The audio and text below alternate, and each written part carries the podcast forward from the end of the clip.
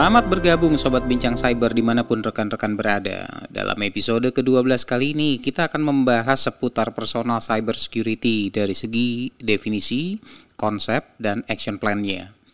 Dinamika cyber security selalu menunjukkan tren yang berkembang. Setidaknya dalam tiga tahun terakhir ini kita sama-sama menyaksikan variasi dan juga frekuensi yang terus mengalami peningkatan.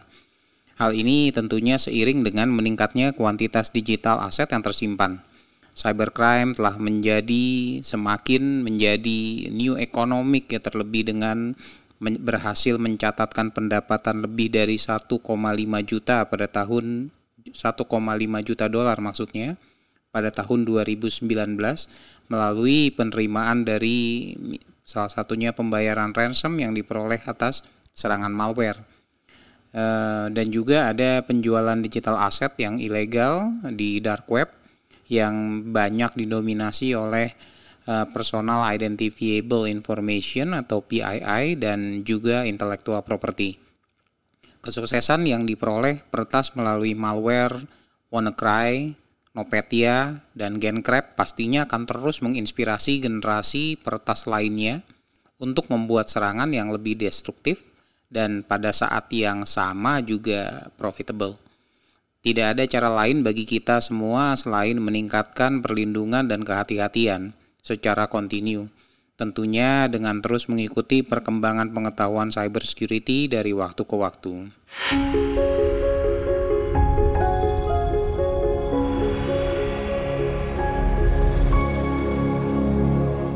Cybersecurity sebenarnya bukan hanya mengenai perlindungan jaringan komputer, Sebab esensi dari cyber attack pada akhirnya mentargetkan kepada digital aset yang tersimpan. Meski variasi dan teknik selalu mengalami perkembangan, tetap saja faktor finansial adalah alasan utama mengapa hal ini terus terinovasi. Disrupsi pada operasional seperti serangan ransomware pada akhirnya juga menuntut korban untuk membayar sejumlah ransom sebelum posisi file bisa dikembalikan ke awal. Belum lagi layanan ransomware as a service yang menerapkan konsep profit sharing antara yang menyebarkan ransomware dengan si pembuatnya, seperti yang telah terjadi pada dua tahun terakhir dengan ransomware GenCrab. Bahkan jika seorang mengatakan kepada saya bahwa tidak semua orang membayar ransom sebagai akibat dari serangan ransomware tersebut, namun pada kenyataannya mata uang cryptocurrency yang dipergunakan sebagai alat pembayaran ikutan berkembang seiring meluasnya serangan malware tadi.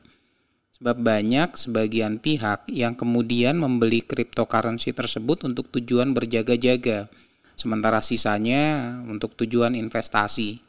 Karena harganya yang terus meningkat, Hal ini bisa kita pelajari dengan yang apa yang terjadi di tahun 2019 dan juga 2018. Data breach yang marak terjadi di 2019 misalnya, data-data yang berhasil dibocorkan pun akhirnya berada di situs penjualan di dark web untuk diperjualbelikan.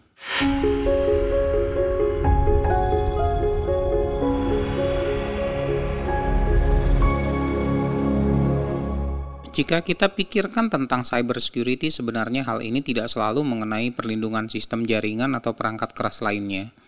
Perpindahan infrastruktur dari on-premise menuju ke cloud pada waktunya nanti akan membuat sebuah perimeter keamanan menjadi menghilang. Keamanan yang tadinya divisualisasikan sebagai tembok tinggi yang kuat, nantinya mengalami transformasi total dan berpindah ke masing-masing perangkat pengguna konsep encryption akan mengalami perkembangan dengan semakin banyak dipergunakan untuk melindungi pertukaran data yang terjadi.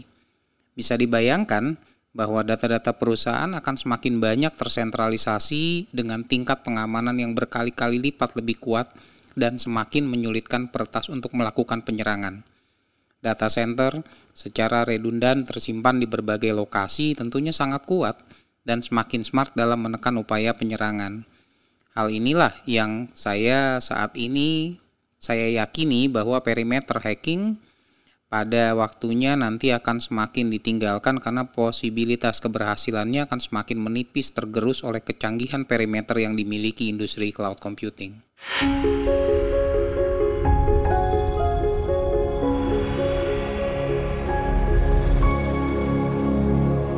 Jika semua organisasi mentransformasikan sebagian besar infrastruktur mereka, maka yang pada akhirnya menjadi ancaman adalah data-data yang di bawah kontrol pengguna.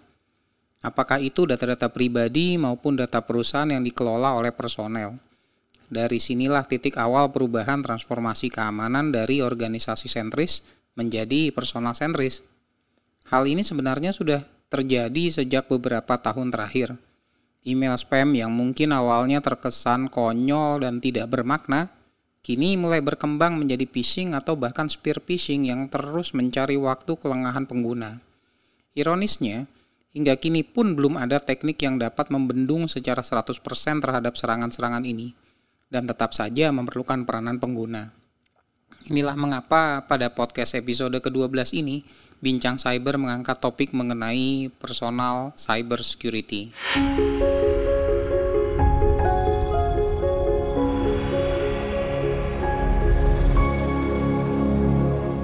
Bisa saja kita berpikir bahwa cyber security adalah tanggung jawab penyedia jasa atau developer aplikasi tempat data kita tersimpan. Namun semakin ke sini pada kenyataannya terjadi akumulasi data yang tersimpan secara personal dalam perangkat yang kita miliki, khususnya handphone.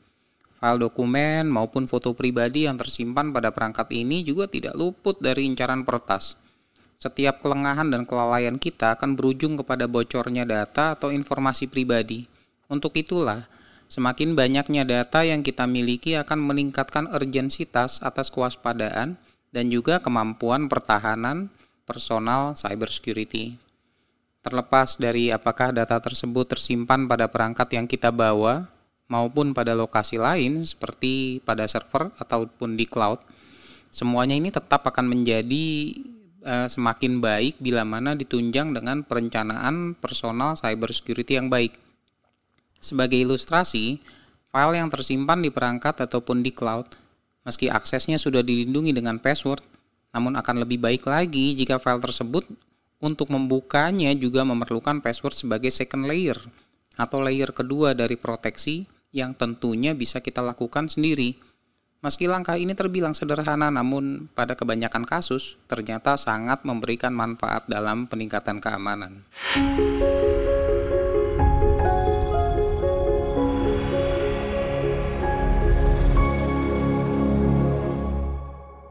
Jika kita ingin memulai langkah menuju personal cyber security, maka perlu diawali dengan peningkatan privasi dalam setiap aktivitas yang dilakukan di internet. Peningkatan privasi di internet bertujuan pada pengurangan jumlah data atau log aktivitas yang dapat terekam di internet. Hal ini otomatis karena pengurangan inilah besaran dampak dari bocornya data pribadi akan tentunya semakin kecil. Hal yang paling mudah dan sederhana untuk dilakukan adalah dengan mempergunakan private browsing misalnya dalam setiap aktivitas surfing yang kita lakukan. Modul modulnya sudah tersedia pada seluruh browser yang beredar di pasaran saat ini. Private browsing ini istilahnya juga sama terdapat pada Firefox, sementara untuk Internet Explorer disebut dengan istilah in private, sementara untuk Google Chrome diberikan nama incognito. Dengan mempergunakan private browsing ini, segala browsing history yang kita lakukan tidak akan tersimpan pada browser. Hal ini sangat berguna khususnya jika kita mempergunakan komputer publik atau komputer yang dipakai oleh lebih dari satu pengguna. Artinya pula, tidak ada pihak lain yang dapat mengakses aktivitas kita, atau bahkan yang paling utama dan yang paling penting adalah website yang kita kunjungi tidak akan mendapatkan informasi tentang aktivitas lain atau aktivitas yang sedang kita lakukan. Masih dalam kaitan privasi, selain penggunaan private browsing, penting untuk memperhatikan koneksi yang kita pergunakan. Hindari mempergunakan public wifi seperti yang umumnya tersedia pada kafe, hotel, dan tempat umum lainnya. Bukan tidak mungkin hotspot WiFi ini mengumpulkan data aktivitas kita atau bahkan dimanfaatkan oleh peretas untuk merekam password yang kita pergunakan. Siapa pula yang berani menjamin bahwa hotspot ini pastinya dilindungi oleh firewall sehingga aman. Hotspot WiFi ini tidak hanya dapat menyimpan password kepada web aplikasi, namun juga token cloud drive yang sedang kita akses – Hal ini memungkinkan pihak lain juga bisa mengakses file yang kita miliki yang tersimpan di cloud. Lebih baik lagi eh, jika kita dapat menggunakan jaringan 4G atau GSM yang kita miliki, misalnya dengan titer melalui handphone. Agak mahal sih, tapi tentunya pastinya lebih private.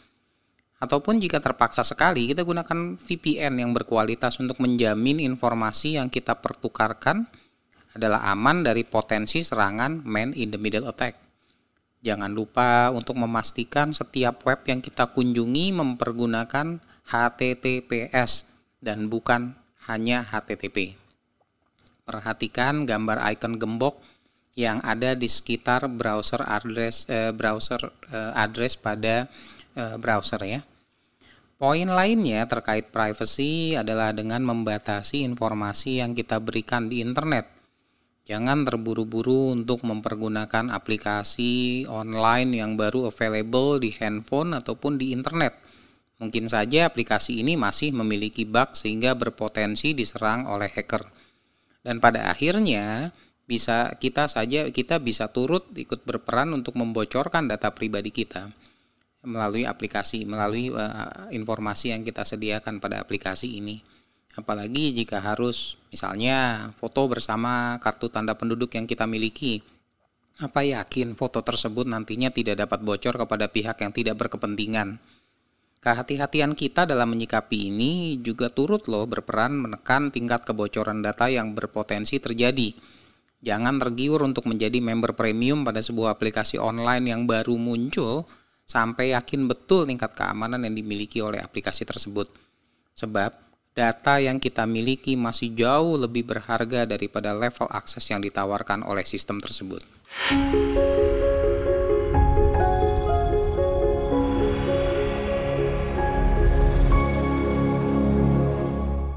Setelah privasi, maka langkah selanjutnya dalam upaya meningkatkan pertahanan personal cybersecurity adalah dengan memperhatikan keamanan perangkat yang berada di rumah, dimulai dari WiFi router dan dilanjutkan kepada seluruh perangkat yang terhubung. Tidak terkecuali printer dan smart TV juga termasuk perangkat IoT lainnya yang mungkin mempergunakan Wi-Fi. Semua perangkat wireless kita berpotensi untuk diserang oleh pihak luar. Router Wi-Fi yang kita miliki kadang sinyalnya dapat ditangkap oleh node atau orang yang orang lain yang berada di luar area tempat tinggal kita. Pernahkah kita bayangkan bahwa orang ini mungkin saja peretas yang sedang mencoba untuk melakukan hacking terhadap password router yang kita miliki? Apalagi jika kita mempergunakan CCTV di rumah yang terkoneksi dengan WiFi router. Bisa saja orang tersebut turut mengawasi aktivitas kita di rumah dari jauh. Menakutkan ya? Lalu bagaimana dengan cara membangun personal cyber security di rumah? Kita mulai dari mengkonfigurasi router WiFi yang kita miliki. Pertama dan yang paling penting adalah dengan mengganti default username dan password dari modul administrator pada perangkat WiFi kita. Jika username-nya tidak bisa dirubah, maka mungkin bisa dipastikan password yang dipergunakan memiliki tingkat kompleksitas yang tinggi. Password minimal terdiri dari 14 karakter yang merupakan gabungan dari upper dan lowercase alfabet juga terdapat numerik dan simbol. Hindari penggunaan kata yang terdapat pada kamus dari bahasa mana pun. Lakukan penggantian secara rutin setidaknya dalam enam bulan sekali. Langkah yang kedua adalah setelah username dan password yang tadi kita ganti, maka selanjutnya kita sebaiknya mengganti nama SSID atau nama WiFi menjadi nama yang tidak umum dipergunakan dan sangat sulit ditebak. Boleh kita mengkombinasikan antara alfabet dan numerik dalam membuat penamaan SSID ini. Setelah itu, lanjutkan dengan menonaktifkan SSID broadcast pada WiFi router. Jika kita mematikan SSID broadcast ini, maka nama WiFi kita tidak akan muncul saat pencarian nama WiFi, sehingga menyulitkan pihak lain untuk menemukan WiFi router kita atau mendeteksi nama daripada WiFi router yang kita miliki. Di sini, di sisi lain, kita perlu untuk secara manual memasukkan nama WiFi atau SSID tersebut pada perangkat yang eh, hendak kita koneksikan. Jadi harus manual di entry, tidak bisa di search, tidak akan muncul di search. Lakukan penggantian password untuk SSID ini dengan kompleksitas password yang sama atau bahkan mungkin lebih baik dari apa yang kita terapkan pada modul administrator tadi. Pastikan encryption password SSID tersebut mempergunakan setidaknya WPA2 dengan AAES. Pilihlah encryption WPA3 jika memang tersedia pada perangkat router kita. Nah, langkah terakhir atau ketiga adalah dengan memastikan keamanan semua perangkat yang terhubung ke WiFi router. Secara rutin, perbaharui versi firmware atau versi aplikasi yang terinstal pada perangkat tersebut Hal ini untuk mencegah vulnerability baru yang diakibatkan oleh perangkat lunak yang berada pada perangkat keras tersebut. Tidak hanya mobile phone, namun perangkat lain seperti printer dan smart TV juga memerlukan pembaruan firmware. Jika perangkat tidak memerlukan akses Wi-Fi, lebih baik dimatikan saja. Tidak hanya Wi-Fi, Bluetooth pun perlu di-disable jika memang tidak lagi dipergunakan.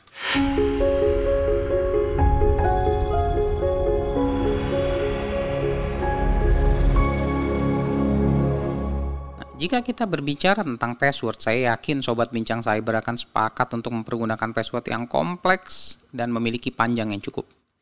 Namun belum tentu semuanya sepakat tentang seberapa sering password tersebut perlu diganti dan apakah password yang sama boleh dipergunakan di lebih dari satu aplikasi ataupun situs. Sebuah password seberapa kompleksnya pada akhirnya akan mampu diretas. Semuanya hanya masalah waktu. Upaya terbaik untuk menekan kemungkinan password untuk diretas, di samping mempergunakan password yang kompleks, adalah dengan tiga hal. Yang pertama, secara rutin mengganti password tersebut, katakanlah setiap satu bulan atau maksimal enam bulan sekali. Kedua, tidak mempergunakan atau merius password yang telah dipakai sebelumnya, meskipun dipergunakan pada aplikasi yang berbeda. Dan yang ketiga, satu password untuk satu aplikasi. Agar tidak lupa, pilihlah tanggal tertentu pada setiap bulannya atau pada setiap enam bulannya. Jika kita merasakan hal ini masih sulit, mungkin bisa dengan mengganti semua password pada setiap tanggal dan bulan kelahiran, artinya setiap tahun sekali ini sangat amat minim. Jadi kemudian penggunaan aplikasi password manager yang bagus buat beberapa orang dirasakan sangat membantu administrasi penggantian password ini. Namun sangat tidak disarankan untuk mempergunakan browser untuk mengingat password yang kita pakai. Ingat bahwa password yang disimpan di browser meskipun terenkripsi namun tidak menjanjikan keamanan yang maksimal. Jadi next time, lebih baik jika memilih untuk tidak menyimpan password di browser pada lain kali saat kita login. Jika memang sudah terlanjur tersimpan di browser, maka bersihkan password yang tersimpan pada browser tersebut dan segera lakukan penggantian password. Terapkan multi-factor authentication sedapat mungkin untuk setiap akses yang kita miliki. Hindari menggunakan SMS sebagai multi-factor authentication. Sebaliknya, gunakan code generator seperti yang tersedia dari Google Authenticator, Auth, dan application lainnya. Jika memiliki extra budget, gunakan hardware authentication yang tersedia seperti Google Titan, YubiKey, dan beberapa brand terpercaya lainnya.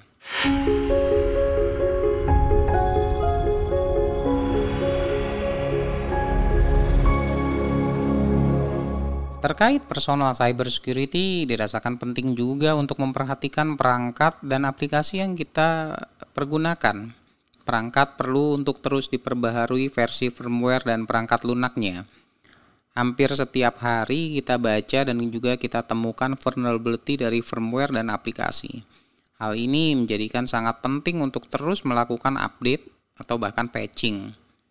Waktu yang diperlukan untuk mendownload dan juga melakukan update tentunya akan semakin lama seiring dengan jumlah aplikasi yang ada.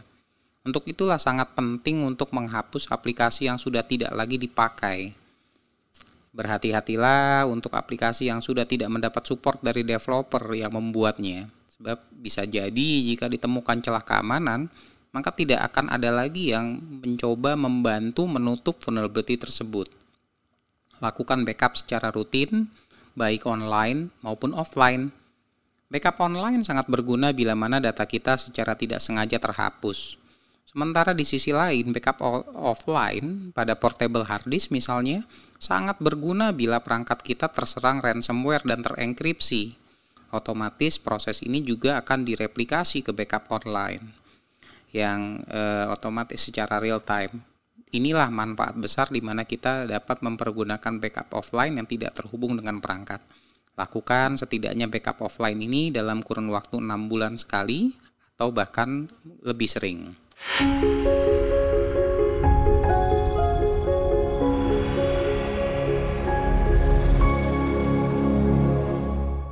Sobat Bincang Cyber, jika kita berbicara tentang threat landscape pada personal cyber security, area ancaman ini kita akan semakin besar dan tentunya akan semakin luas seiring dengan banyaknya perangkat, aplikasi, dan lokasi akses yang kita pergunakan.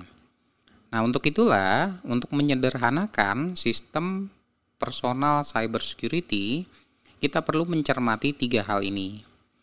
Kita mulai dari membatasi jumlah perangkat yang kita pergunakan, jumlah laptop, jumlah mobile phone, dan seterusnya. Kemudian, pilihlah aplikasi yang memang diperlukan untuk menunjang keseharian. Batasi jumlahnya. Lebih baik lagi jika bisa menggabungkan fungsional dari beberapa aplikasi kepada satu atau dua aplikasi. Dan yang terakhir, pilihlah lokasi tempat kita melakukan akses Lokasi di sini adalah bukan kepada lokasi geografis, namun lebih kepada media koneksi yang kita pergunakan. Maksimalkan penggunaan VPN pada konektivitas keseharian. Nah, sebagai takeaway dari episode ke-12 tentang personal cyber security, saya singkat dengan mana mini money. Yang pertama manage, mana adalah manage. Mini adalah minimize. Money adalah monitor. Mana mini money manage eh, kita mulai dengan manage secara rutin semua perangkat pendukung yang kita pergunakan termasuk aplikasi termasuk perangkat keras. Sementara minimize eh, artinya di sini minimizekan atau mungkin gabungkan beberapa fungsional aplikasi atau perangkat tersebut sehingga menjadi lebih sederhana. Dan yang terakhir moni atau monitor. Monitor atau awasi aktivitas kita yang terekam dari log yang tersedia untuk memastikan jika ada potensi peretasan atau anomali lainnya. Mudah-mudahan dengan hal ini, tingkat pertahanan personal cyber security kita menjadi lebih maksimal dan optimal dan juga terus-menerus terjaga. Sobat Bincang Cyber, kita sudah sampai di penghujung episode 12 yang membahas tentang personal cyber security. Jika sobat menyukai konten podcast ini, mohon untuk subscribe di website Bincang Cyber atau di Spotify. Kami juga tersedia di Deezer dan iTunes, Apple. Situs resmi dari Bincang Cyber yang menyimpan seluruh episode podcast ini bisa diakses di https bincangcyber.id. Feedback dapat dikirimkan juga melalui situs resmi ini, termasuk usulan dari sobat tentang topik cyber security yang ingin dibahas pada episode berikutnya. Saya Faisal Yahya, host Bincang Cyber undur diri dan terima kasih sudah mendengarkan episode ini. Sampai bertemu di episode lainnya di Bincang Cyber.